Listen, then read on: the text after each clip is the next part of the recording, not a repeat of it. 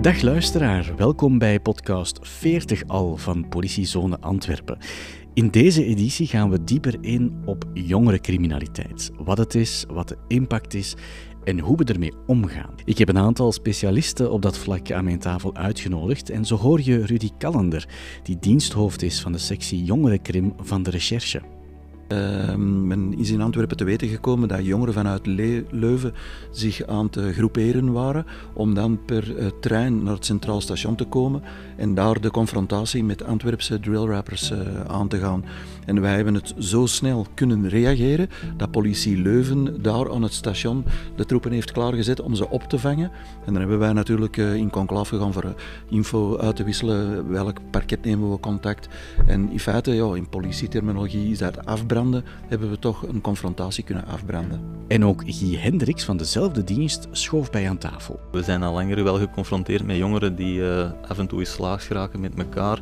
Onze aanpak is dan ook uh, snel kort op de bal spelen. Uh, de bendeleiders die we kunnen identificeren worden dan strenger aangepakt.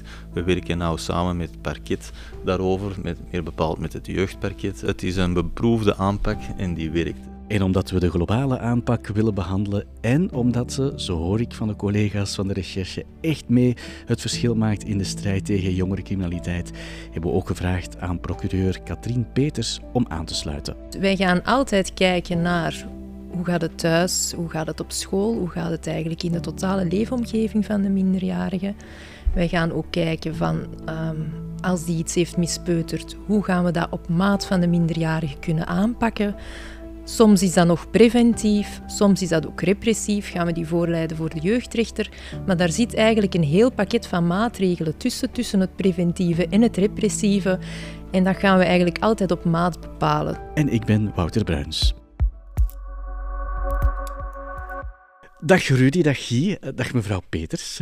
Welkom eh, in onze, in onze podcast. Mag ik misschien al eens beginnen met de vragen um, wat eigenlijk een procureur juist doet? Um, ik denk dat ik misschien eerst even moet zeggen dat een procureur die werkt met minderjarigen eigenlijk niet het klassieke plaatje invult misschien van uh, wat een procureur altijd doet. Uh, waarom? Omdat wij bij minderjarigen wel altijd proberen om een individuele aanpak uh, te benaderen. Mm -hmm. Dus wij gaan altijd kijken naar hoe gaat het thuis, hoe gaat het op school, hoe gaat het eigenlijk in de totale leefomgeving van de minderjarige. Wij gaan ook kijken van um, als die iets heeft mispeuterd, hoe gaan we dat op maat van de minderjarige kunnen aanpakken. Soms is dat nog preventief, soms is dat ook repressief, gaan we die voorleiden voor de jeugdrechter. Maar daar zit eigenlijk een heel pakket van maatregelen tussen, tussen het preventieve en het repressieve. En dat gaan we eigenlijk altijd op maat bepalen. Dus ik denk dat dat wel het uh, specifieke is aan ons jeugdparket. Dat wij altijd op maat van de minderjarigen gaan proberen om een maatregel op te leggen of om de jeugdrechter te vorderen, waarvan wij denken dat ook de minderjarige daar het meeste mee geholpen is. En ja. ik denk dat dat ons onderscheidt van ook de andere secties binnen het parket. Ja, mag ik zeggen dat jullie eigenlijk de verbinding zijn tussen de politie en de rechter?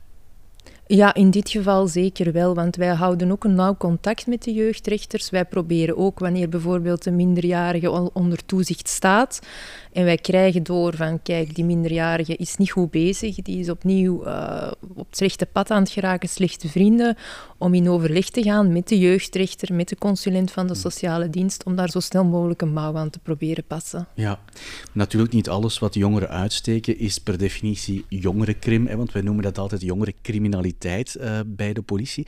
Maar ik denk dat dat wel iets uh, specifieker is, hè, Rudy? Ja, wij gebruiken vaak de terminologie straatcriminaliteit. Ah, ja. uh, jongeren die betrokken zijn bij straatcriminaliteit of een bepaalde vorm van overlast, die lopen natuurlijk in de picture bij ons. Uh, onze cel uh, is ooit opgericht om jongeren tot uh, min 25 op te volgen voor feiten op openbaar domein. Uh, maar de focus zal het anders zeggen. De ervaring en de cijfers leren ons dat wij uh, een doelgroep hebben die bestaat uit 80% minderjarigen. Dus de focus bij onze werking ligt toch op die minderjarigen.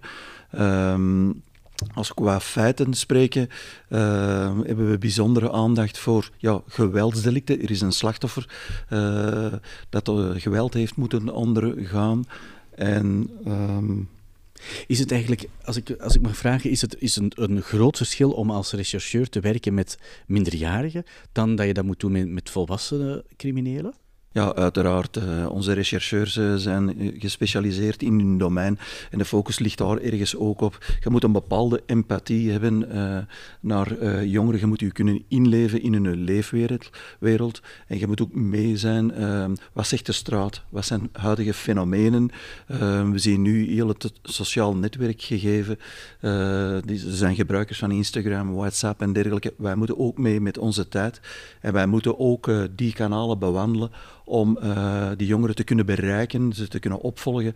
Wat zijn ze van plan? Waar gaan ze naartoe? En hoe kunnen we onze strategie erop afstemmen? Ja, de mensen kunnen het niet zien natuurlijk, maar het is wel een beetje gek wat je zegt. Dat je moet mee zijn met die jongeren, want jullie zijn allebei aan de grijze kant al. dus jullie zitten niet in die doelgroep. Dus jullie moeten daar echt wel... Allee, jullie moeten zich wel laten omringen door, door ja, specialisten dan? Of hoe, hoe gaat dat? Uiteindelijk moeten we ook... Uh, zelf bijblijven uh, in de materie. En dat, is, ja, dat vraagt dikwijls training on the, on job. Maar werken met de jongeren, ik blijf daar altijd zeggen, dat houdt u zelf ook jong. Ik heb kinderen, ik heb kleinkinderen. Ik heb een kleinkind van 16 al. Dus die past volledig in het plaatje uh, rond jongeren op openbaar domein en eventueel overlastjongeren. Ik wou net zeggen, Wouter, eh, jong van geest, hè? dat zijn we allemaal. ja. ja, en dat is wel, wel nodig ook, denk ik. Hè? Want het zijn wel verschillende fenomenen waar jullie mee geconfronteerd worden. Je moet toch door een soort van andere bril kijken. Want wat zijn zo de dingen waar jullie mee geconfronteerd worden? Dus dit jaar zijn we ja, tegen een aantal fenomenen of tendensen aangelopen. Mm drillrap uh, was uh, iets nieuw. Dan hebben we ook het fenomeen iets minder, maar het gebeurt toch regelmatig, happy slapping. Ehm, we hebben een overlast maanden aan een stuk gehad uh, en dat hebben we als hotspot beschouwd, de Teniersplaats en Operaplein. En nu, ja, richting einde jaar, uh, zit daar het verhaal van de vuurwerkproblematiek uh, aan te komen. Vind je het goed dat we even verder ingaan op die drillrap? Um, want misschien moeten we om het fenomeen een beetje te, te, kaderen, of om dat beter te begrijpen, moeten we eens luisteren. Want ik sprak eerder al eens met, met twee collega's van jullie, met Nick en Sarah twee of drietal jaar geleden zijn wij gestart met te werken puur op het fenomeen uh, drillrap. En we kunnen wel zeggen dat we nu heel die periode al uh, bijna enkel en alleen maar de fenomenen en de feiten in zaken drillrap behartigen. Ja, dat is dan eigenlijk een, een fulltime job geworden, die drillrap in Antwerpen. Ja, toch wel. Ja. Wat uh, is het eigenlijk juist? Want er wordt heel veel over gesproken, maar wat is het eigenlijk juist? Ah, drillrap, dat is een, um, een muziekstijl muziekstijl. Die is gekomen van uh, Amerika. En dan van Amerika is die zo naar Engeland gegaan, uh, dat fenomeen. En dan van Engeland naar Nederland. En nu sinds een twee tot drie jaren is dat nu bij ons hier in België, in Antwerpen, maar ook in, in andere uh, steden en gemeenten is, dat fenomeen, is daarvan dat fenomeen sprake. En wat houdt dat in? Dat zijn mensen of jongeren die drillrapmuziek uh, maken, die liedjes zingen en schrijven over zaken over feiten eigenlijk, die ze gaan plegen of nog moeten plegen, dat ze daarover hun tekst doen. Dus ze dagen elkaar uit via de sociale media in de zin van een rapliedje. Dus al hetgeen wat dat ze gedaan hebben, komt in een liedje. En het, ook hetgeen wat dat ze gaan doen, ja. komt in een liedje. Zeg Sarah, en maken ze dan eigenlijk de muziek om dan feiten te kunnen plegen? Of is het juist andersom? Gaan ze feiten plegen om dan muziek te kunnen maken of om een verhaal te vertellen? Het zijn eigenlijk de beide richtingen. Dus ah, ja. uh, voordat er feiten gepleegd worden... Um, gebeurt het wel eens een keer eh, dat er worden, alle mensen worden uitgedaagd in hun teksten. Uh, die pikken dat dan op op sociale media en dan zoeken die een uh, trefplaats om elkaar te meeten, zoals dat zij het zeggen. En dan uh, gebeuren daar ja, feiten van slagen en verwondingen of diefstallen met geweld. Um, en dat resulteert dan in massale vechtpartijen. soms één op één, soms in groepsgevechten. Uh, en die worden dan opgepikt door onze queries dan, dat er dingen gebeurd zijn. Maar soms gebeurt het ook wel eens dat wij hen een stap voor waren. En dat er wordt gezegd van dan gaat er daar iets plaatsvinden, op die locatie. En dan kon het wel eens zijn dat wij die ja, ook een stap voor waren, wat ook wel interessant was natuurlijk. Dus eens dat je erin mee bent, in dat verhaal van hoe dat die dat eigenlijk doen, was het voor ons net iets gemakkelijker om erop te werken. Ja, want zij proberen het allemaal wel eens het grootste geheim te doen. Jazeker. Um, ook bijvoorbeeld um, ja, de namen die niet worden gezegd. Hè. Dus uh, het grootste geheim was hun identiteit, die ze niet prijsgaven. Maar op den duur hadden wij er ook een rode draad in gevonden. Uh, aangezien dat zij bijnamen gebruiken. Dus bijvoorbeeld een letter en een cijfer gecombineerd. Uh, ik zeg nu maar iets A7 of zo, dat stond dan voor een bepaalde identiteit. Um, en zij werkten eigenlijk ook in soort van bendes en die hadden dan groepsnamen. Um, die dan garant stonden voor de postcodes waar zij in zitten of in mhm. wonen. En dan um, ja, zo, zo troffen zij elkaar dan, ofwel in, eh, op een centraal punt, bijvoorbeeld Centraal Station in Antwerpen, was een heel geliefkoosde plek. Ja, uh, want wie zijn eigenlijk dan die leden van, van die binden of, of van die groepjes? Ja, de leden dat zijn vaak uh, jongeren, jongeren uit de verschillende uh, steden in België, die zich in een groepje vormen. Dat kan ook zijn dat bijvoorbeeld 2060 in Antwerpen, dat er in 2060 een groepje jongeren zit die zich profileert als een groep 2060. En dan zullen wij die jongeren kunnen herkennen aan hun voornaam of, of achternaam eindigend op uh, eh, 2060 of een 6 of een 2 of een 0. Hè. Zo moeten we dat eigenlijk onderzoeken. En als we dan die jongeren kunnen vatten en weerhouden als die feiten plegen en we lezen die hun gsm's uit, dan kunnen we zo meerdere mensen linken aan één groep. En dan zien we de tendens terugkomen van die cijfertjes achter of voor hun uh, naam. En zijn dat dan uh, jongeren of zijn dat kinderen? Hoe moeten we dat zien?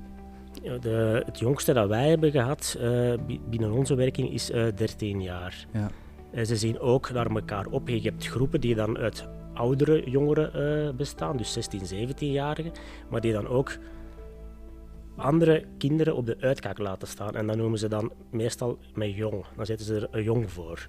Ja. We horen tot die specifieke groep. Ja, maar dat is echt nog wel jong, hè? Dat, is, dat zijn eigenlijk nog, nog kinderen. Ja, absoluut. Uh, de ouders die weten trouwens ook niet dat die daarmee bezig zijn. Dat zijn grote verrassingen. Als wij daar dan bijvoorbeeld huiszoekingen gingen doen, dan komen daar uh, de geliefkoosde wapens van de drillrappers boven. Uh, zoals de machetes. Um, en dan staan die daar perplex, want dan kijken die naar ons en dan zeggen die van... Hoe kan het dat wij zoiets niet wisten van ons kind?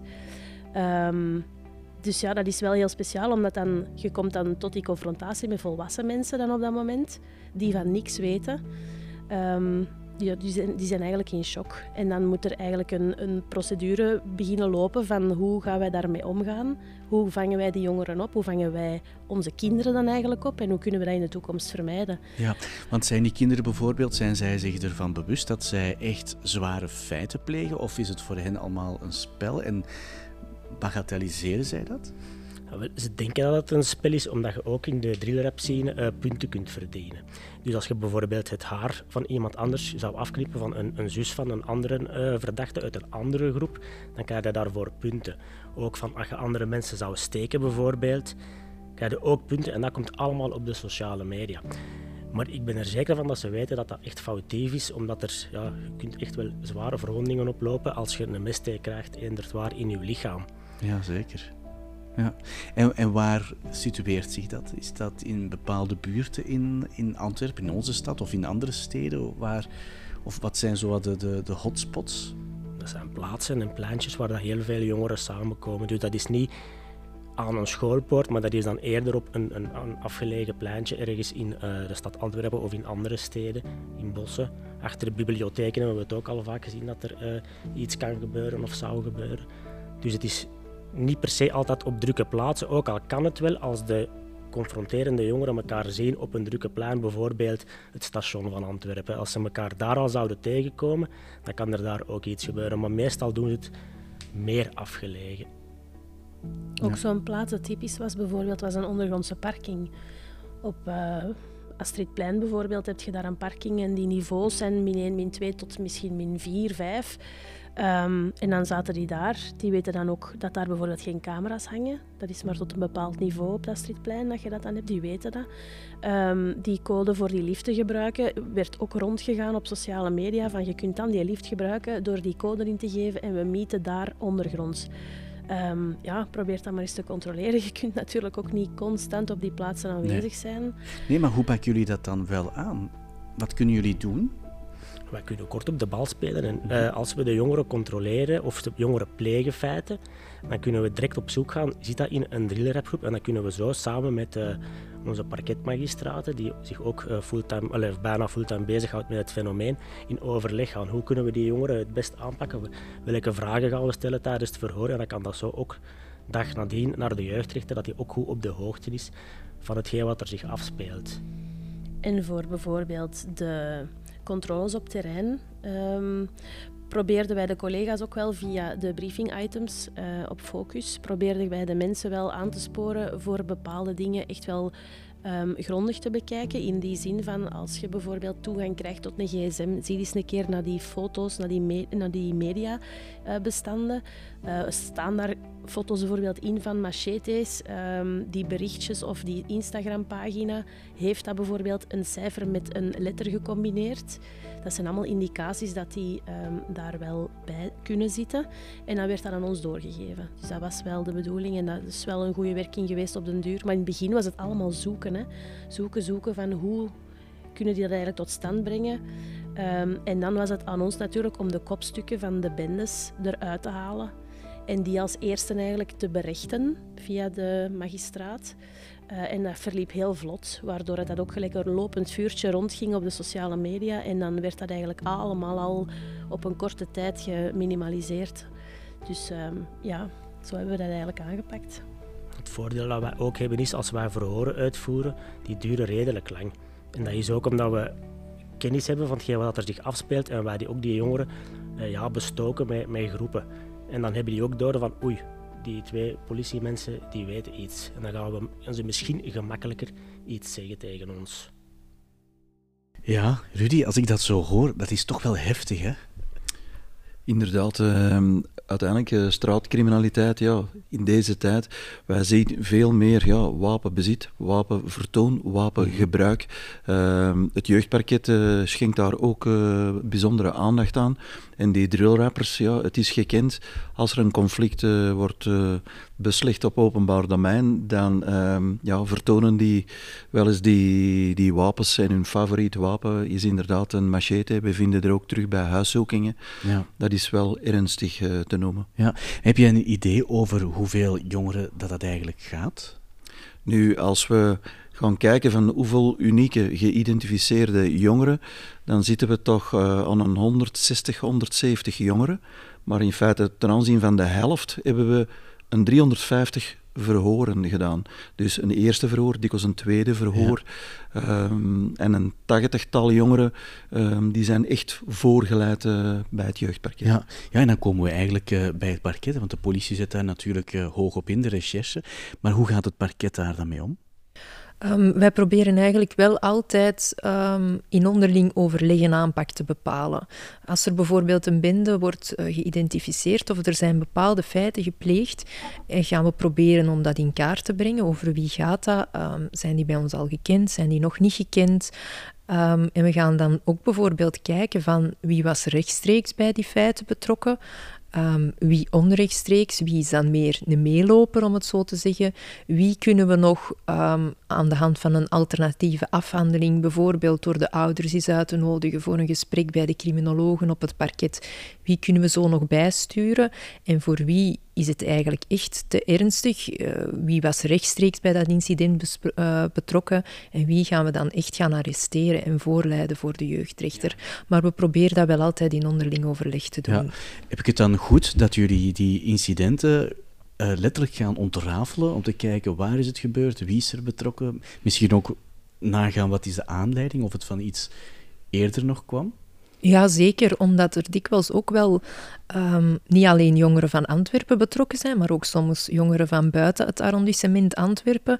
En het daarom ook belangrijk is dat we gaan kijken um, van moeten er eventueel collega's van andere arrondissementen ingelicht worden uh, om die info zoveel mogelijk te kunnen delen. En dan is het natuurlijk belangrijk om te weten, is dit incident het gevolg van een vorig incident? Staat dat los op zichzelf? Um, omdat daar vaak dan al een, een, een, een, bepaald aantal identificaties uit kunnen volgen. Louter en alleen door te weten, oh, dat volgt op vorig incident en bij vorig incident waren die en die betrokken, dan is de kans groot dat die natuurlijk ook in dit incident uh, betrokken zijn. Ja.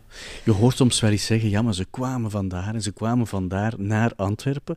Is dat ook een beeld wat jullie hebben, dat ze bijvoorbeeld naar ons grondgebied komen om feiten te plegen, of andersom, dat onze jongeren elders naartoe trekken? Um, ik heb minder zicht op het feit of onze jongeren buiten Antwerpen feiten zouden plegen. Um, daar heb ik niet zo'n groot zicht op, omdat ik daar de laatste tijd ook weinig informatie over heb doorgekregen. Het is wel zo dat er vaak van andere steden naar Antwerpen wordt gekomen om de confrontatie op te zoeken. En daar gaat dan vaak ook al een hele. Uh, online rel aan vooraf, waar dat men online elkaar uitdaagt. Uh, dissen noemen ze dat dan. Uh, en, en de verwijten over en weer gaan. Um, en dat escaleert dan vaak. Maar het is natuurlijk op dat stukje dat, dat jullie ook al willen ingrijpen. Ja, dat klopt, uh, Wouter. Uh, hier in Antwerpen zijn we natuurlijk ook al lang niet aan ons proefstuk toe. Uh, we zijn al langer wel geconfronteerd met jongeren die af en toe in slaags geraken met elkaar. Onze aanpak is dan ook snel kort op de bal spelen. de bindeleiders die we kunnen identificeren worden dan strenger aangepakt. We werken nou samen met het parket daarover, met, meer bepaald met het jeugdparket. dat is hier al verteld geweest. Uh, onze... Dat is met, uh, met jou, hè? ja, klopt. Ja.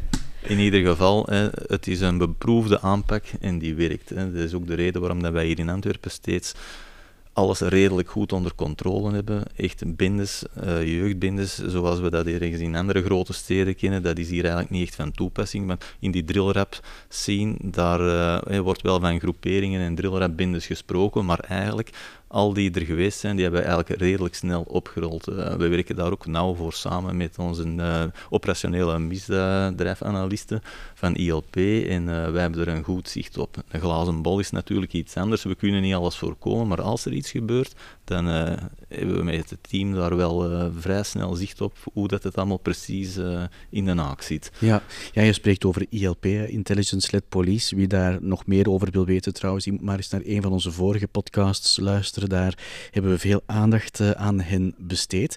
Maar um, is het die, die aanpak, parket, ILP, recherche, dat maakt dat, we, dat jullie daar heel kort op kunnen, kunnen zitten. En, en misschien, ik weet niet of ik het mag zeggen, maar misschien over een, een soort van ja, lik op stuk beleid, uh, dat we daarover kunnen spreken? Ja, zeker. Uh, kort op de bal, dat is de boodschap eigenlijk. Hè. Want uh, zoals ik net al zei, we kunnen het niet altijd voorkomen. Soms wel, want er gaat een online rel aan vooraf, hè, zoals mevrouw Peters zei. dat kunnen we daarop anticiperen. En dan kunnen we dat gewoon op voorhand ontmijnen, voordat de feiten eigenlijk gebeuren.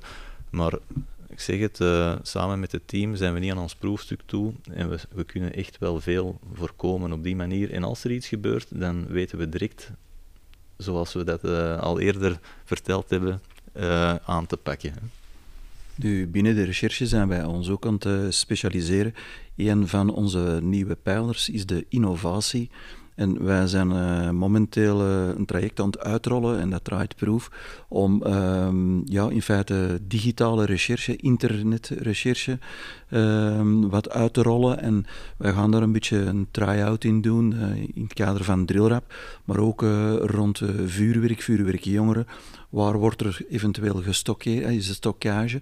Dus, en dan binnen het huidige wettelijk kader proberen wij daar, en we hadden het net over Drillrap, toch ook te kijken hoe kunnen we eventuele ja, confrontaties op openbaar domein uh, Ehm, voorkomen. En x aantal maanden geleden hebben wij zo, uh, en Guy heeft zelf de tussenkomst aan gedaan, ehm, men is in Antwerpen te weten gekomen dat jongeren vanuit Leuven zich aan te groeperen waren om dan per uh, trein naar het Centraal Station te komen en daar de confrontatie met Antwerpse drillrappers uh, aan te gaan. En wij hebben het zo snel kunnen reageren dat politie Leuven daar aan het station de troepen heeft klaargezet om ze op te vangen. En dan hebben wij natuurlijk natuurlijk uh, in conclave gegaan voor uh, info uit te wisselen. Welk parket nemen we contact? En in feite, ja, in politieterminologie is dat afbranden. Hebben we toch een confrontatie kunnen afbranden. En dan zitten jullie eigenlijk samen, bij wijze van spreken, rond de tafel de digitale tafel dan waarschijnlijk. Maar er is dan wel een, een, een groot contact met het parket dan ook. Uh, ja, in zo'n gevallen wordt er meestal, als er Antwerpse jongeren bij betrokken zijn, ook altijd wel met mij contact opgenomen om te kijken van hoe gaan we die aanpakken en hoe kunnen we zorgen dat we zo kort mogelijk op de bal spelen? En wie gaan we het eerste verhoren. Maar vandaar dat ik ook altijd uh, op het team en op, op, op, uh, op Nick uh, bijvoorbeeld ook reken om, om, om mij daarover, want zij weten vaak meer dan ik weet, hè, om te zeggen van ik zou eerst die verhoren, um, die zal wel het meeste te vertellen hebben en dan die en dan die. En um, ik moet zeggen dat ik daar ook meestal wel op vertrouw, op die, op die kennis van zaken. En uh, dat ik daar nog nooit, uh, nog nooit spijt van heb gehad dat ik dat heb vertrouwd. Ja, um, het is misschien een gevaarlijke vraag, maar het fenomeen is er, we kennen het. Maar hebben jullie het idee dat, het, dat jullie het onder controle hebben? Ja, ik kan dat duidelijk stellen. Wij beheersen in feite dat fenomeen. Maar zoals Guy zei, ja, we hebben geen glazen bol dat er morgen iets waar we niet, geen weet van hebben, uh, dat dat zou kunnen gebeuren. Maar als we zien de, de aanpak die we zo net hebben besproken, daar hebben we ons successen wel mee kunnen halen. Uh, wij spelen heel kort op de bal. En dat is bij jongeren het allerbelangrijkste. Dat je snel uh, een boodschap kunt uh, uh, geven. Dit is de grens. het parket komt tussen, de jeugdrechtbank komt tussen. Uw ouders worden erbij betrokken. Ze krijgen signalen. En ja, wij spelen kort op de bal en kunnen zeggen dat we dat beheersen. Dat de jongeren eigenlijk ook nog gered kunnen worden, hè, die op het foute pad zijn. daar kunnen we toch wel een heel deel nog van terug op het goede pad brengen. Ja, voelt u dat ook zo?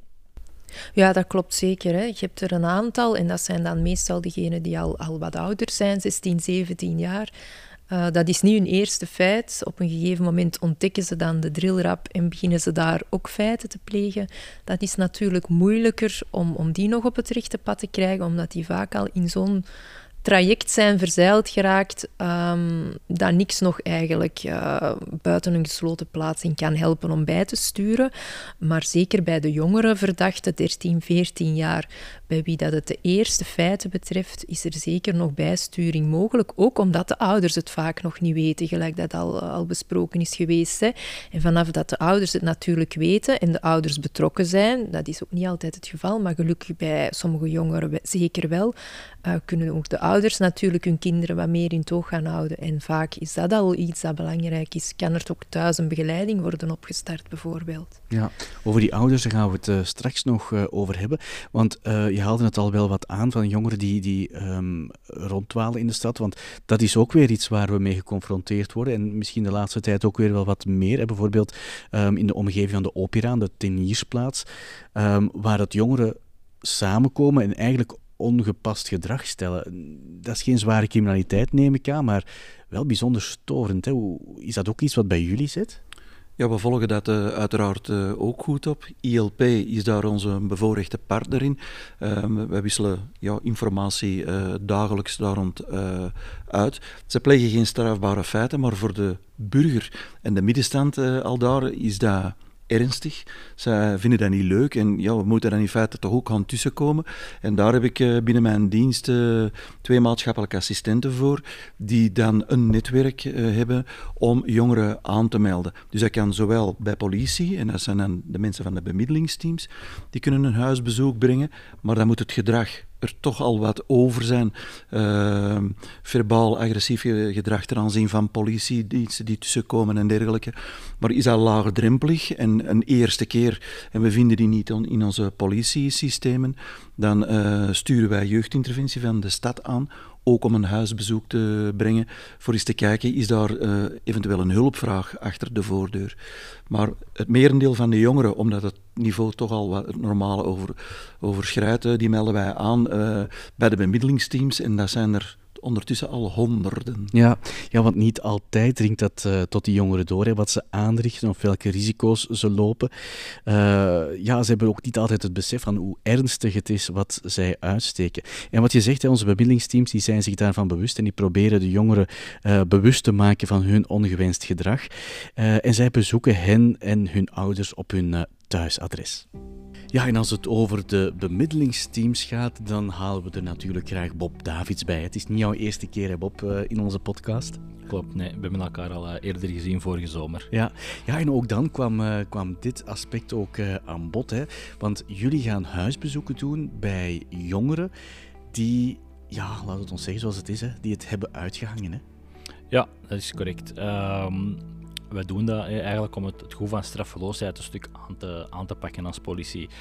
Als je als jongere in Antwerpen in contact komt met de politie uh, voor niet strafbare feiten, en dan heb ik het bijvoorbeeld uh, rondhanggedrag, uh, het lastigvallen van mensen, die zaken, of bijvoorbeeld dat je bommetjes hebt afgestoken, maar de politie kan niks meer vaststellen. Ja, dan is er eigenlijk in, in praktijk geen echt gevolg. De politie zal de identiteiten registreren van de mensen die worden aangetroffen, maar daar stopt de keten. Nu in Antwerpen bekijken we dat anders en is dat voor ons eigenlijk een enorme kans om toch die, die verbinding met de jongeren te zoeken.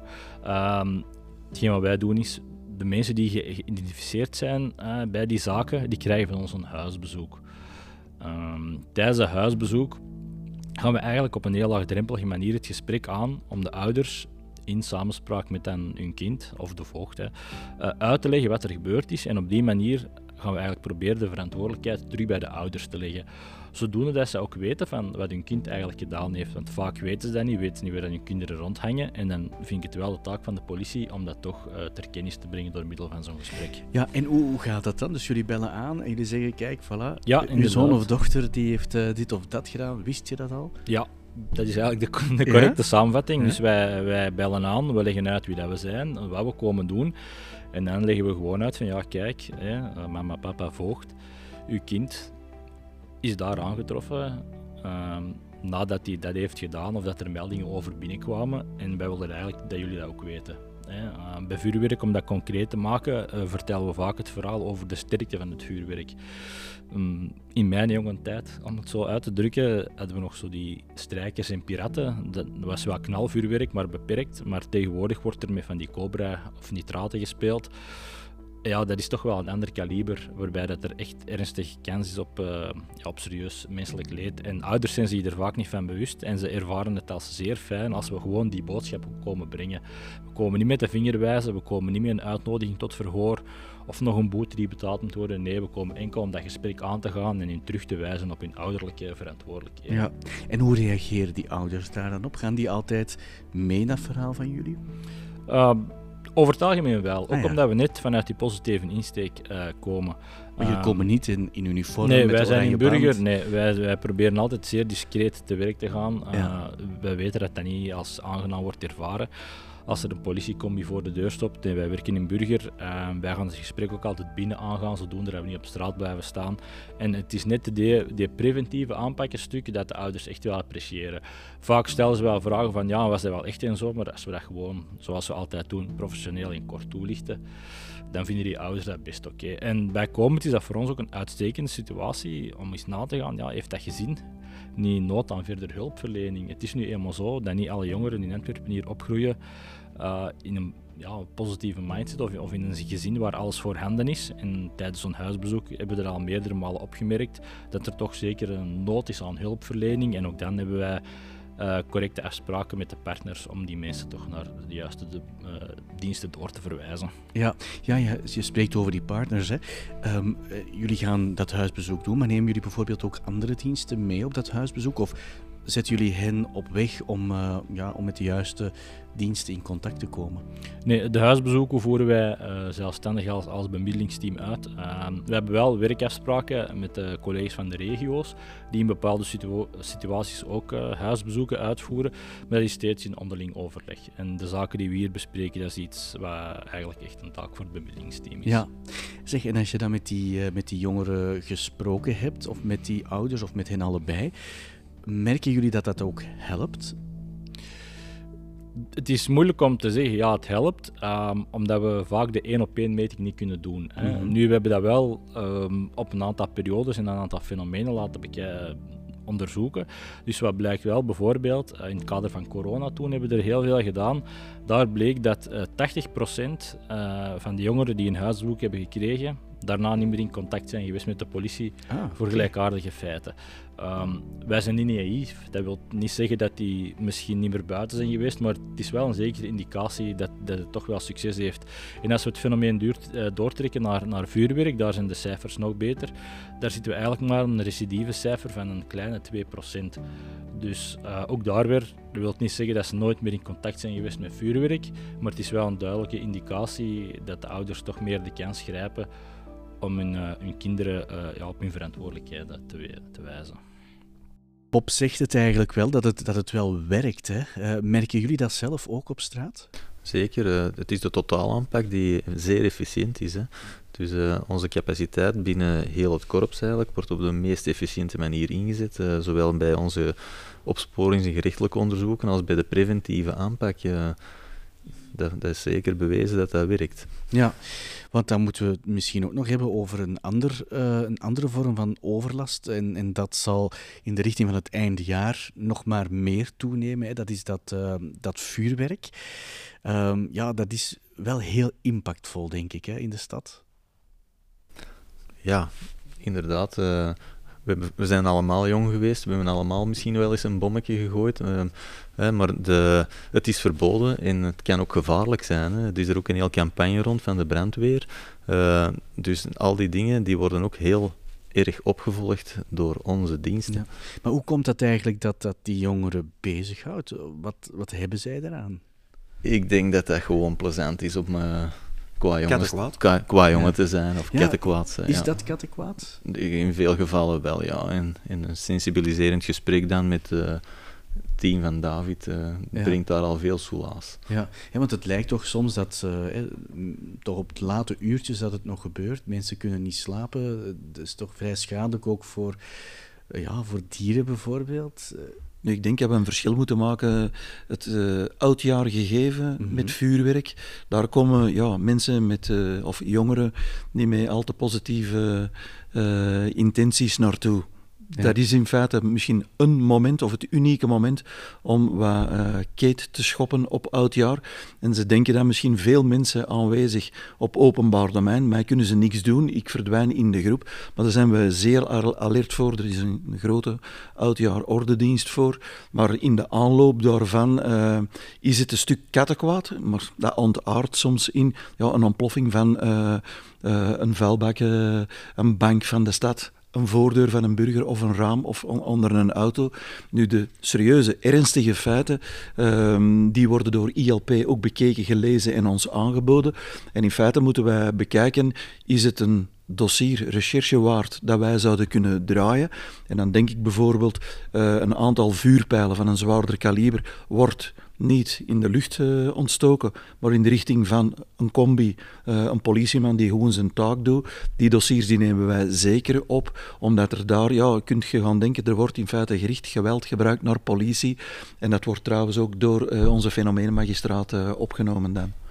Ja, dat klopt inderdaad. Uh, vanaf dat het geweld gericht is naar personen, echt doelbewust dat men niemand wil verwonden, uh, dan nemen we dat uiteraard wel zeer ernstig en dan gaan we daar ook voor die minderjarigen een gevolg aan geven. Um, hetzelfde geldt voor echt uh, doelbewust iets willen vernielen. Bijvoorbeeld een wagen in brand gaan steken. Um, dat soort dingen, dat gaan wij ook wel altijd ernstig nemen en, en zeker opvolgen bij ons op niveau van het parket. Ja, want je hoort vaak zeggen, ja, het is toch maar wat vuurwerk. Maar als je dan bekijkt, vorig jaar, het jaar ervoor, ja, wat jij zegt, Rudy, ze schieten het ook vaak niet uh, in de lucht, maar horizontaal of in een, in een brievenbus. En dat is wel heel impactvol voor wie bijvoorbeeld de brievenbus aan flarden ziet gaan. Hè?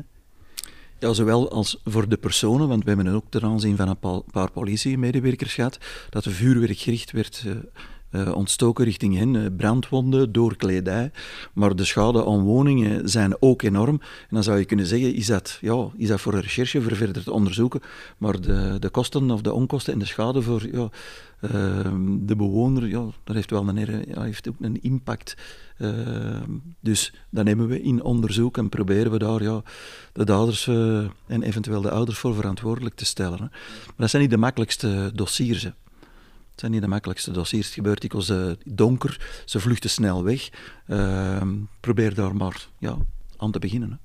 Ja, want natuurlijk de knal gaat, de schade is er, maar tegen dat je dan gaat kijken of ter plaatse bent als politie, dan is er al veel, ook al is het maar een minuut, maar dan is er toch al veel kostbare tijd verloren gegaan. Ja, we gaan hier natuurlijk niet alles prijsgeven, maar er zijn wel verschillende manieren om alles te onderzoeken en we boeken daar ook wel resultaten mee. Ja, ik denk dat het wel belangrijk is hè, om, om mee te geven dat het niet zomaar blauw-blauw gelaten wordt. Maar... Nee, inderdaad. En uh, ook de verkoop van vuurwerk, uh, moest dat ergens mee bovenkomen, dan uh, wordt dat ook mee onderzocht. En dat is met de collega's van Leefmilieu die daar ook mee op de kar springen in.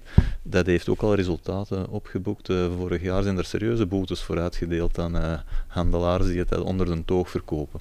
Ja, ja, en ik denk dat wij als parket dat we ook wel kunnen zeggen dat we daar een goede samenwerking hebben met scholen. Omdat scholen ook vaak zien um, dat er minderjarigen zijn die dat uh, vuurwerk onderling doorverkopen. En dat gaat vaak over zeer zware kalibers, um, waarvan dat je weet als je die aansteekt dat er bijna direct schade gaat zijn. Um, en dat de scholen op dat vlak, als ze zoiets opmerken, dat ook wel doorgeven aan het parket, zodat wij dat uh, verder kunnen opvolgen. Ja, nu, um, Bob heeft het ook al wel een lichtjes aangehaald, maar het is natuurlijk niet alleen de politie die in actie schiet bij die zaken, um, en ook niet alleen het parket, maar er zijn natuurlijk nog heel wat partners hè, waar jullie mee samenwerken. Nu, uiteraard, de stad is een belangrijke partner, want die voeren een zeer brede campagne, bushaltes, uh, die lanceren op sociale media uh, een aantal clips uh, waar je schade aan oren rond dieren, preventie. Ehm, het, is, is, is een groots opgezette campagne en wij vinden dat ook heel goed. de flyers die rondgaan, die is mee aan de voorzijde in, in feite tuut, de, de oorschade die je kunt oplopen.